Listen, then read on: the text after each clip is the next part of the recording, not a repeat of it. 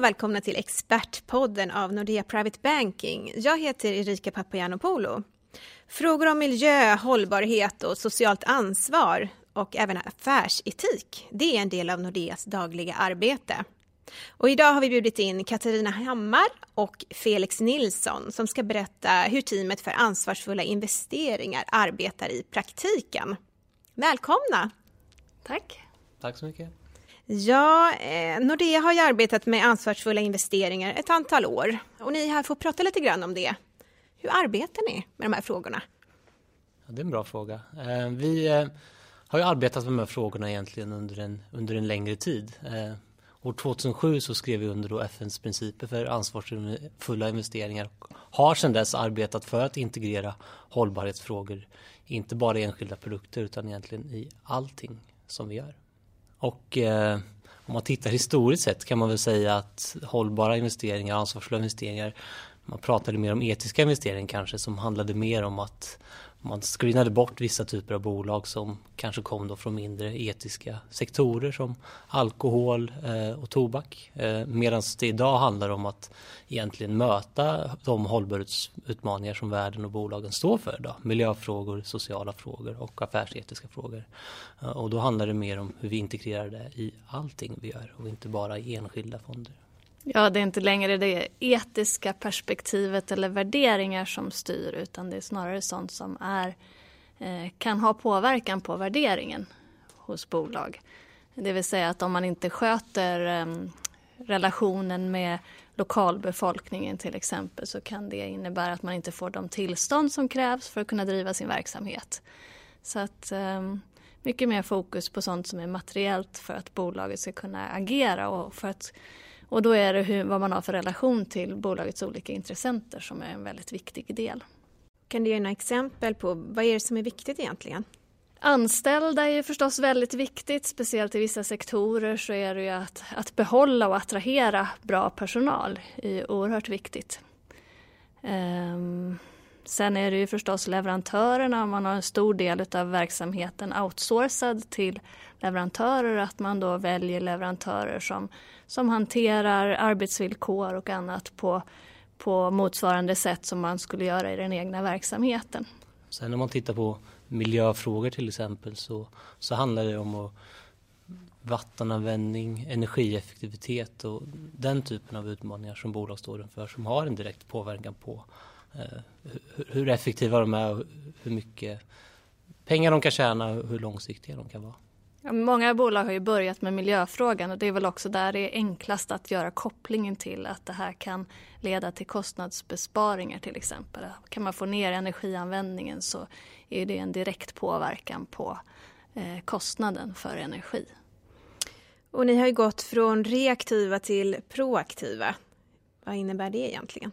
Det är väl egentligen kopplat till, till dialogen med bolag och att vara en aktiv ägare.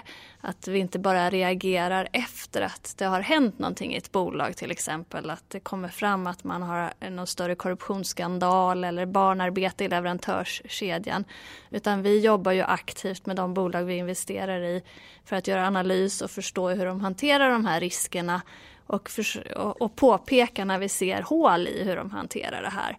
Så att eh, de här, risken för att det ska hända en incident minskar.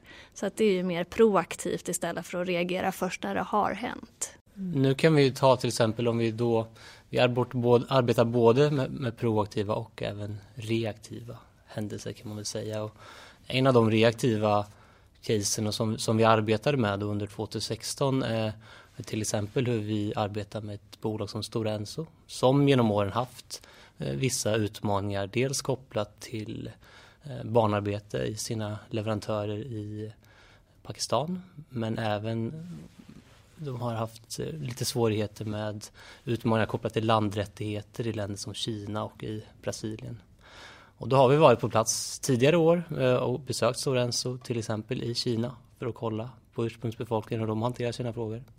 Eh, och vi var även under 2016 då och besökte en av deras leverantörer eller ett av deras dotterbolag i Brasilien som heter Veracel. Eh, där vi tillsammans då med Stora Enso åkte ut till deras plantage för att se hur de arbetade men där vi även besökte lokalbefolkningen och olika organisationer på plats och för att förstå de utmaningarna som Stora Enso står inför.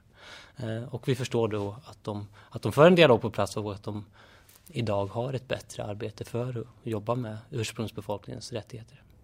Det har ju varit ett antal incidenter i Stora Enso men samtidigt så är det ju att försöka få dem att bli bättre eh, för att förhindra det här framåt. Och vi har ju haft ett antal punkter som vi har velat se att de faktiskt eh, implementerar. Ehm, innan vi tycker att de är tillräckligt bra för att investeringsspara i Starsfonderna. till exempel. Och då är det så viktigt att komma ut på plats och inte bara sitta på huvudkontoret och diskutera de här frågorna utan att faktiskt i praktiken se att det har lett till en förändring och också att ha en dialog med bolagets olika intressenter. Inte bara sitta med bolaget utan med de olika intressenterna för att höra olika versioner på de utmaningar som finns. Vad är det för kriterier som de ska uppfylla? Eh, det kan till exempel vara att eh, göra en analys av sin leverantörskedja utifrån ett riskperspektiv. Ehm, och i det här fallet då barnarbete. Var är riskerna som störst? Är det vissa ehm, insatsvaror som är mer exponerade än andra? kan vara ett exempel. Och sen att det finns kanaler för att rapportera om man identifierar att här är en utmaning. Den här leverantören verkar inte riktigt ha allt på plats som vi behöver. Att det då finns kanaler eh, för olika intressenter att rapportera in det här. Eh, för att det är ju omöjligt för ett bolag att ha 100%, kontroll på sin leverantörskedja i alla lägen. Men att det då finns eh, andra som kan fånga upp det här och rapportera. Det är väl exempel på kriterier. Eller vad säger du Felix, har du något att tillägga? Jag tycker att det, att det stämmer bra. Eh, det handlar ju om att, att bolagen i stort, om man tittar på ett, ett ännu bredare perspektiv, förstår vilka marknader och vilka geografier de verkar i och utifrån det vilka risker finns kopplade till miljöfrågor, sociala och affärsetiska frågor. Och sen att då bolagen som Katarina nämner här ska ha egentligen inte en plan för hur man adresserar, att man ska adressera de här riskerna och man också ska ha ett, ett system på plats och och eh, en styrning i bolaget för hur man hanterar de här riskerna. Och sen gärna även att man följer upp och kanske har eh, en återkoppling kring att nu har vi faktiskt genomfört de här, de här stegen och det har gett till de här, de här förbättringsresultaten. Ni är med på många möten också vad jag har förstått. Vad är det för frågor som ni pratar om då? Ja, dels är det ju när vi gör analys av bolag ur ett miljö, socialt och affärsetiskt perspektiv så är det ju någon fråga inom de här tre områdena som vi fördjupar oss i oftast beroende på vad som är relevant just för det bolaget. Eh, det, det, är alltså på bolagsmöten som ni är med på då? Eller ja, vad är det typ av möten? Ja men exakt, mm. ja, men det är ju möten med bolagets mm. ledning kan man ju säga. Och sen är det ju också, eh, vi röstar ju på många bolagsstämmor och deltar i nomineringskommittéer och då handlar det ju mer om att hitta den optimala styrelsesammansättningen för bolagen. Så det är ju ett sätt för oss att agera aktiva ägare. Så om man tittar till exempel i siffror och antal, vad gjorde vi egentligen under 2014? Så genom att delta till exempel i årsstämmor och rösta genom fullmakt så, så förde vi ändå Nordeas talan i ungefär 400 eh, årsstämmor då för de bolagen. Och vi besökte och hade möten med bolag mer kopplade till dialogarbetet och arbetet via Restage med ungefär 170 bolag eller 170 olika möten. Så att vi genomför och deltar i mycket möten där vi tar upp de här hållbarhetsfrågorna med de bolagen som vi investerar i. Och sen är det ju då olika intressenter som jag har varit inne på några gånger. Eh, det kan vara mm, eh, ideella organisationer Ehm, som kritiskt granskar bolag eller sektorer eller palmolja som, som, en, som ett ämne ehm, så har vi förstås en dialog med dem också för att få eh, olika vinklar på utmaningar som bolaget kan möta. Och ni har ju även arbetat fram nya fonder under året. Hur går det till att ta fram en ny fond? Eh, ja, en bra början är förstås att ha en förvaltare som kan förvalta fonden. Eh, och sen så handlar det ganska mycket om att då gå igenom de potentiella innehav som förvaltaren vill ha i den här fonden och se, eh, har de en tillräckligt bra eh, ESG, alltså Environmental Social Governance profil som vi eh, vill att ett bolag ska ha för att ingå i en Stars-fond. Det är ju det som skiljer Stars-fonder från andra fonder. Det är ju att ESG-profilen måste vara tillräckligt bra. Så att det sätter nivån på vilka bolag som kan ingå i portföljen eller inte. Ja, i vårt arbete både med Starsfonden men även hur vi integrerar de här frågorna allmänt så besökte vi under 2016 eh, Indien, Chile och Mexiko kopplat till de bolagen som vi investerar i och hur de möter de här frågorna. Och jag vet att Katarina bland annat var med i Colombia. Ja, berätta lite mer. Eh, ja, vi besökte ju bolag som ingår i Global Stars och Swedish Stars. Um, och en av anledningarna till att vi åkte just till Colombia var att Millicom som ingår i Swedish och Nordic Stars um, där ville vi fördjupa oss framförallt i hur de eh, hanterar affärsetik eftersom ett telekombolag är ganska utsatt eh, för affärsetiska risker och Millicom agerar i många högriskländer. Så att då ville vi se lite grann på plats. Vi har ju förstås diskuterat de här frågorna eh, med ledningen. Eh, men att faktiskt få komma ut eh, på plats i något av deras länder var viktigt för oss för att förstå att det här inte bara är en pappersprodukt utan att det faktiskt finns de här äh, policies och processerna som de beskriver för oss och uppföljning för att minimera de här riskerna. Eh, och sen så när vi då ändå var i Colombia så passade vi på att träffa ett, ytterligare ett antal bolag.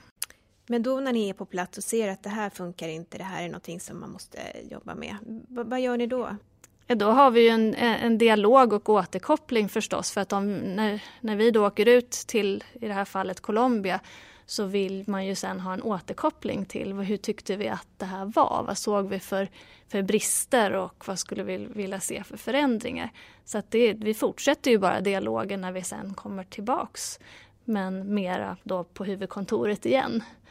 Eh, men det är ju en kontinuerlig process och våra analyser uppdaterar vi ju regelbundet så att vi träffar ju också bolagen regelbundet.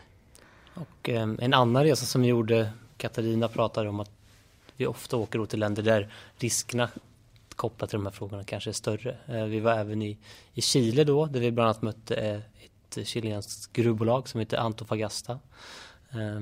För att se då hur möter de som, som gruvbolag då utmaningar kopplat till exempel till, till vattenfrågor och även till landrättigheter som vi var inne på här tidigare. Men även frågor kopplat till biologisk mångfald. Och vad såg ni där då, när ni var på plats? Det vi såg att de bolagen som vi investerar i Stars är ofta proaktiva och väldigt duktiga på att rapportera om hur man arbetar med de här frågorna. Eh, men återigen då som Katarina nämnde så när man väl kommer ut på plats så ser man då om stämmer det här eller stämmer det inte. Eh, och då var också en väldigt viktig process när vi var här. Dels så besökte vi då tre olika gruvor som det här eh, bolaget eh, äger men att man även möter lokalbefolkningen, man åker runt i byarna eh, och träffar olika intressenter för att förstå stämmer det som bolaget säger verkligen. Ni har ju pratat en hel del nu om hur ni engagerar er i specifika bolag. Men eh, hur tar Nordea ansvar i ett bredare perspektiv? Vi försöker ju fokusera inte bara då mot bolagen som du säger utan även vara med och delta i olika internationella initiativ och vi försöker fokusera på olika stora, ska man säga, globala frågor som är extra materiella då för oss som investerare. Eh, och då har vi valt att fokusera på klimatförändringar, vattenfrågor, frågor som mänskliga rättigheter och även korruption. Och kopplat till de här fyra fokusområdena då, så försöker vi delta i industriinitiativ som, som relaterar till det här och även föra dialog med olika typer av bolag eh, kopplat just till de här frågorna. Vad har ni gjort för någonting då? inom de här fokusområdena? En fråga som, som har varit väldigt viktig då och ett processarbete som vi har fört en tid är vattenfrågan eh, och då fick vi även under 2015 redan så fick vi lite nys på att läkemedelsindustrin eh, har då på många sätt outsourcats delar av sin leverantörskedja och eh, där man tillverkar de här aktiva ingredienserna i läkemedel har man outsourcat till olika områden i Indien. Ett sådant område är Hyderabad eh, där tillgången på vatten är väldigt knapp eh, och där vi då fick rapporter om att de här bolagen inte sköter miljöfrågor kopplade till, så man släpper ut väldigt mycket utsläpp till exempel eh, i de närliggande floderna. Och, så vi åkte dit 2015 och fick se att det var väldigt stor påverkan på miljön. Det var väldigt torrt, det var stora områden av skogen och miljön runt omkring som var förstörd och vi kunde även se att havet som låg nära de här fabrikerna, där har fiskarna svårt att hitta fisk nu för vattnet är så förorenat. Eh, så då så när vi kom hem därifrån då, så, så satte vi oss ner då på huvudkontoret och tänkte vad ska vi göra åt det här? Eh, så det gjorde så att vi kontaktade ett 20-tal av de största innehaven då, eh, som Nordea har ägandeskap i för att höra hur man hanterar miljöfrågor och leverantörsfrågor kopplade till vatten och just Indien. Ehm, och det, det här engagemanget, de här bolagen då, fick lite olika alltså, ringa på vatten-konsekvenser så det ledde till att vi till exempel blev inbjudna då till det största industrigruppen då, eh, Pharmaceutical Supply Chain Initiative, där vi fick lämna våran syn på och ställa våra krav på liksom, vad ett bra läkemedelsbolag egentligen borde göra de här frågorna. Och vi fick väldigt positiv respons där så att hela det här industriinitiativet åtog sig då att ta den här frågan på allvar och lyfta de här frågorna. Eh, och vi är just nu i en pågående dialog med hur hur de ska rapportera kring det, hur de ska förbättra de här frågorna. Så det är som ett exempel på hur vi försöker samarbeta och jobba med inte bara enskilda bolag utan hela, hela eh, industriinitiativ. Och det är en ganska unik dialog skulle jag vilja säga, eller resultat. För att ibland så får vi ju frågor på de här dialogerna vi har, men leder det verkligen till något resultat? Och jag tror att det här är ett exempel på något som verkligen har liksom påverkat en bransch i en riktning. Så att det är ju ett väldigt tydligt exempel på resultat och att man kan som investerare påverka, inte bara på bolagsspecifik nivå utan på bredare nivå. Har ni något annat exempel från eh, något annat fokusområde? Jag tänker klimat eller korruption nämnde ni tidigare lite mer exempel Mäns Mänskliga rättigheter, där är vi ju med i någonting som heter Corporate Human Rights Benchmark och har varit med och grundat och finansierat det. Och det handlar ju om att, att gå igenom hundra bolag för att se hur, sköt, hur hanterar de mänskliga rättigheter. Um, och sen så har det ju gjorts ett index på de här bolagen för att se vilka ligger bäst till och vilka har störst utmaningar. Och det var ju med fokus på um, vilka sektorer, hjälp mig Felix? Med eh, jordbruks... jordbruk. Och gruvindustrin. Var det, ja, va? precis. Um, och det här, det är såklart att inget bolag tycker om att ligga sämst till i ett index.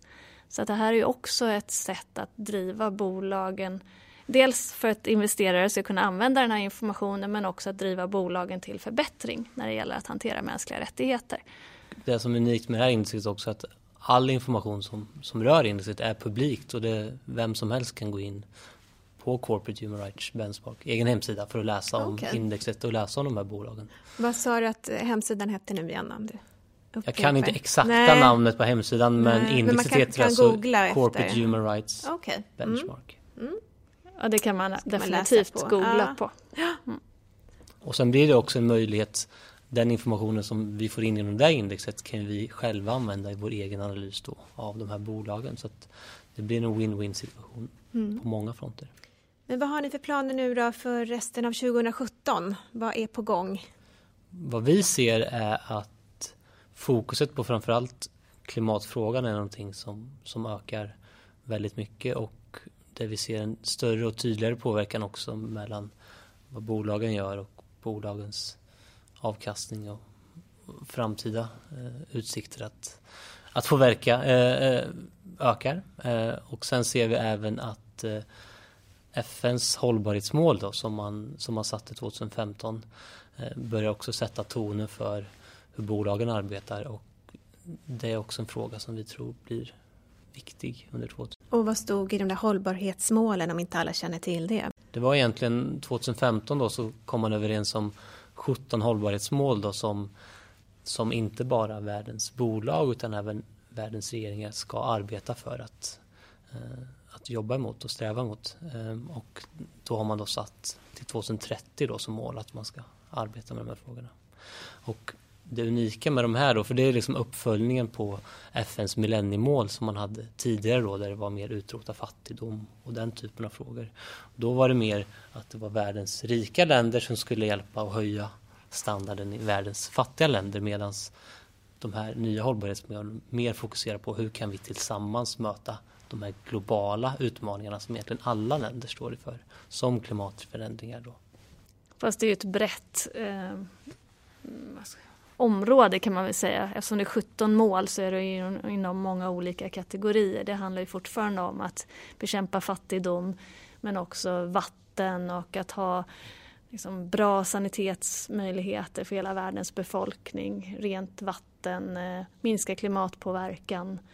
Ehm. Och även mer sociala frågor som att minska klyftor, eh, ekonomiska ojämlikheter, mm. att öka transparens, att motverka korruption. Eh, så det är många sådana frågor. Stärka kvinnors rätt i världen och så vidare. Mm. Mm, eh, transparens, transparens vill jag också lägga till för det, det har väl varit på agendan länge men det är ju fortsatt där. Um, ja, att bolag blir bättre på att rapportera. Och nu kommer det ju lagstiftning um, i Europa i alla fall. Uh, och det är ju någonting som, som är viktigt för oss som ska göra analys på bolag att de faktiskt rapporterar uh, sånt som vi behöver, nyckeltal på det här området. Lite grann i linje med den finansiella redovisningen. Det kommer ju att ta lite tid men det är ditåt det går i alla fall att, att bolagen rapporterar eh, mer vad som är materiellt och viktigt eh, och också nyckeltal så att det är möjligt att jämföra hur långt olika bolag har kommit. Eh, och även när det gäller skatt, att vara transparenta kring skattefrågan, att man betalar skatt i de länder där man är verksam och så vidare. Där är vi inte riktigt än men, men eh, ordet transparens är i alla fall, tycker jag, ett viktigt ord även framåt. Eh, och du kan koppla det till klimatfrågan också. Det här med koldioxidavtryck har vi redan på plats för våra aktiefonder men, men vad är nästa steg och hur ska man ta det här vidare? Eh, och hur ska man göra det lättare för kunder att välja eh, ansvarsfulla investeringar? Ja, det tycker jag är en jätteviktig poäng att det, det, transparensen är viktig dels för dem i de bolagen som vi själva investerar också i men också hur vi själva arbetar med de här frågorna. För vi ser ett väldigt ökat intresse från våra kunder kring de här frågorna och materialiteten och hur viktiga de här frågorna är ökar hela tiden. Så det är en utmaning för oss också som investerare och som finansiell aktör att öka transparensen i det vi gör. Mm. Så det blir också ett, ett tema. Men om man som investerare sitter och lyssnar på den här podden nu och undrar hur kan jag engagera mig? Vad, vad kan jag göra? Ska man läsa på? Om man vill läsa på de här filmerna till exempel, finns ja, ju på Youtube.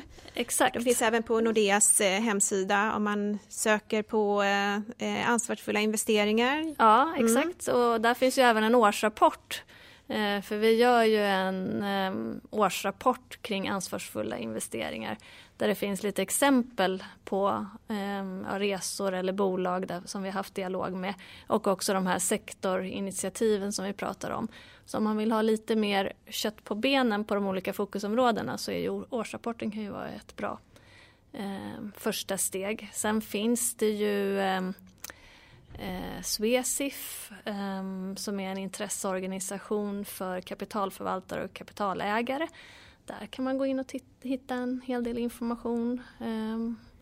Ja, men också att man förstår det som kund att det inte bara eh, att de investeringar man gör, att man faktiskt påverkar genom sina investeringar och att man genom inte bara specifikt vilken kanske fond man investerar i men också hur ens kapitalförvaltare eller hur ens bank agerar i stort kring de här frågorna faktiskt har en skillnad. Eh, och då vill vi ta ansvar för det förtroendet som kunderna ger till oss genom att vara aktiva, inte bara i de bolagen som vi investerar i utan också på ett bredare nivå. Lite som vi har försökt att förklara och prata om. Ja men det är en jättebra poäng, Felix, att inte bara titta på det fondspecifika utan faktiskt titta på hur jobbar min kapitalförvaltare brett med de här frågorna.